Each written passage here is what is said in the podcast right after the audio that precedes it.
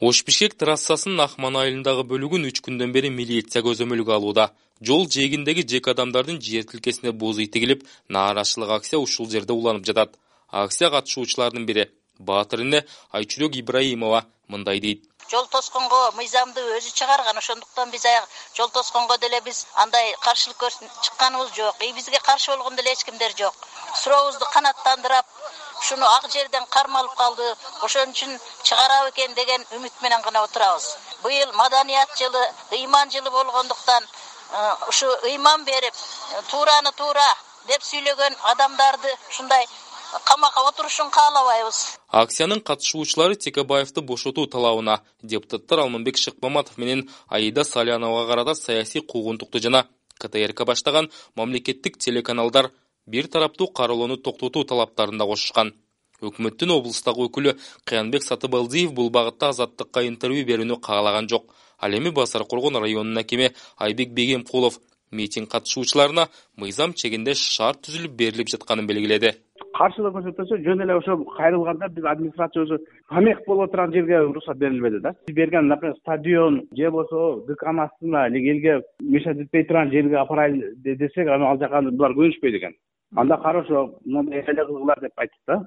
Акман айылынын ичинде күч кызматкерлери бар эки автобус жана бир камаз унаасы турат. Алар жол кыймылына тоскоолдук келтирбөө жана акция катышуучуларынын аракеттерин көзөмөлдөө максатында коюлган.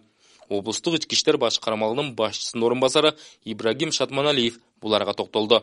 Жолдо абал э, тынч кудай буюрса элдин тынчтыгы коомдун коопсуздугу анан жолдо жүргөндөрдүн тынчтыгы э, бирөө жагында тынчтыгын алып тартип бузуп э, мындай бир ашыкча элге зыян келтирбесин деп эле турабыз да. Элдер менен чогуу турабыз жолго чыкпагыла башка кылбагыла мыйзамдын чегинде болгула ата мекендин лидеринин камакка алынышы боюнча эл арасында ар түрдүү пикирлер бар. Облустук ардагерлер кеңешинин төрагасы садырбек качкынбаев эң негизгиси стабилдүүлүк болсо дейт. Текебаев адам катары мен эч кимге жамандык кылбайбыз. Эми анын мыйзамдуулугу кандай экенин биз көрбөгөндөй мындай мындай деп биз мен мисалы эксперт боло албайм. Бирок мен айтып коеюн иш оңолуп кеткен жок да турмуш начар болуп атат. Анан чынын айтыш керек коррупция күч алды. Эл деле билет муну. Пенсионерлерде эч кимибизден коркпойбуз биз. Коррупция күч алып гүлдөп атат муну эл көзү менен көрүп азыр могу ошолорго ишеним. Аз болуп атат. Саясатчылар болсо оозуна келген сөздү сүйлөп атат. Чектен чыгып атышат. Бир эл деп сүйлөгөн кишини укпай атабыз. Далилдеп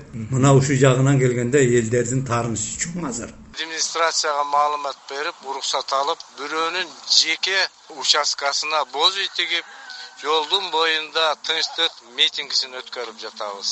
Областтык администрациянын жетекчисин чакырдык мына биз үчүнчү күнү акция өткөрүп атабыз. Баардыгы мыйзам чегинде атайын штаб түзүлдү өмүрбек ширкешевичти коргоо штабы э, атайын алар үчүн шарттар түзүлүп тазалыкты сактап жолго чыкпастан өзүбүздүн үнүбүздү билдирип жатабыз. Кылмыш кодексинин коррупция жана алдамчылык берилмелери боюнча айыпталып кармалган депутат текебаевдин үч жүздөй тарапкерлери жыйырма жетинчи февралда базар коргон районунун акимчилигинин алдына чогулуп эки боз үй тигишкен. Андан соң ош бишкек жолуна чыгып трассаны тосууга аракет кылышкан. Бирок атайын даярдыктагы полктун кызматкерлери күч колдонуу менен аларды жолдон сүрүп чыгарган. Окуядан соң район бийлиги боз үй тигүүгө да уруксат бербей. Текебаевдин тарапкерлери жол жээгиндеги менчик жайга боз үй тигип көчүшкөн болчу.